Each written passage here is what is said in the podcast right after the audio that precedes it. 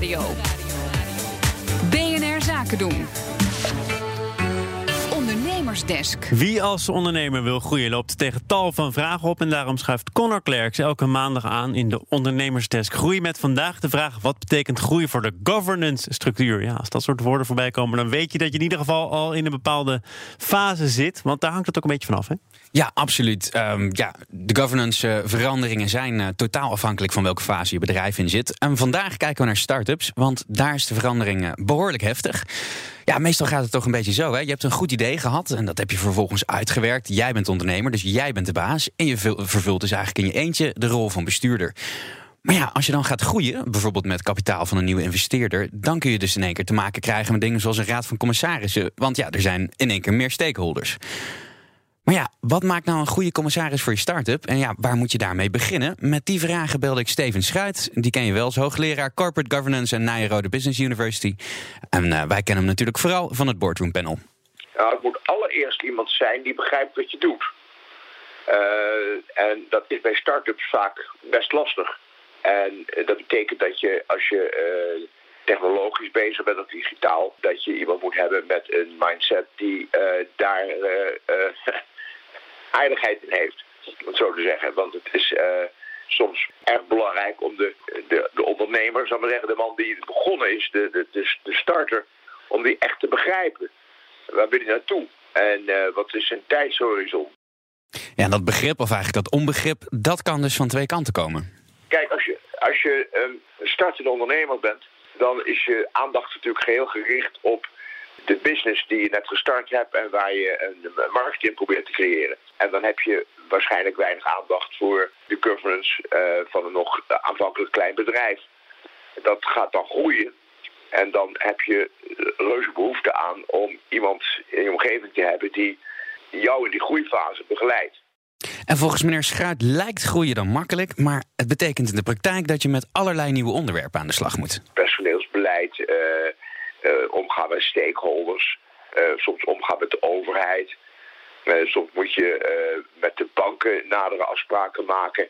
Dat zijn allemaal dingen waar je startende ondernemer misschien wel een beetje ervaring mee hebt, maar altijd veel te weinig om daar succes bij te scoren. Dan gaan we naar des poedels kern, oftewel waar het echt om draait hier. Hoe stel je dan, als je daar echt behoefte aan hebt, een goede raad van commissarissen samen?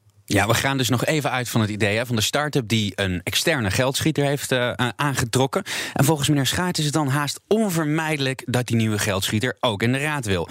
En dan moet je dus zorgen dat hij niet te dominant wordt. Dus uh, je uh, moet ook mensen hebben in die raad die wat tegenwicht kunnen bieden door hun natuurlijk gezag, door hun expertise. En die de startende ondernemer kunnen helpen om zijn oorspronkelijke plan uh, goed uh, te realiseren. En de voorzitter van je RVC moet dus eigenlijk een soort verbinder zijn die alle fracties bij elkaar kan brengen. En zo iemand, die vind je niet zomaar. Zo'n voorzitter is moeilijk te vinden.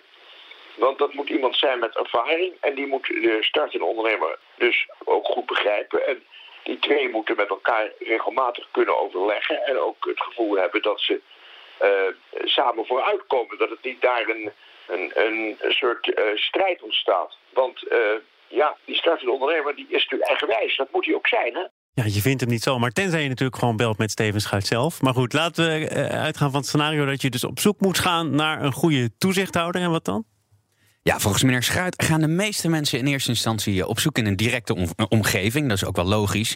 Maar iemand die je aardig vindt, waar je het goed mee kan vinden, dat is helemaal niet per se de beste kandidaat. Het is dus uh, verstandig om eerst advies in te winnen. Soms heb je wel eens een contact bij een bankier. Soms heb je wel eens contact bij een andere onderneming. Of soms heb je gewoon in de krant of in de buurt iemand gezien die je vertrouwen in boezemt. Maar je moet wel oppassen, want je moet wel iemand kennen voordat je president-commissaris president maakt. Want als, je, als, als het niet goed gaat, dan moet je wel weer kwijt kunnen. En dat is niet zo makkelijk.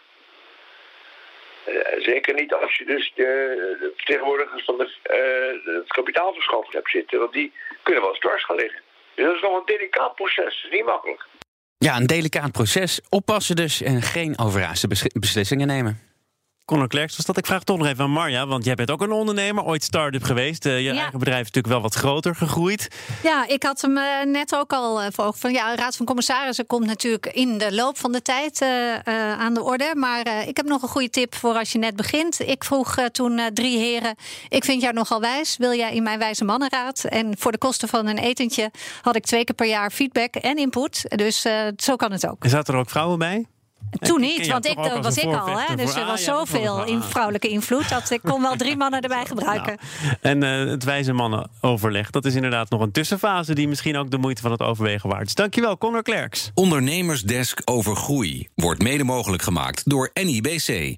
NIBC, de bank voor ondernemende mensen. BNR Nieuwsradio. BNR Zaken doen.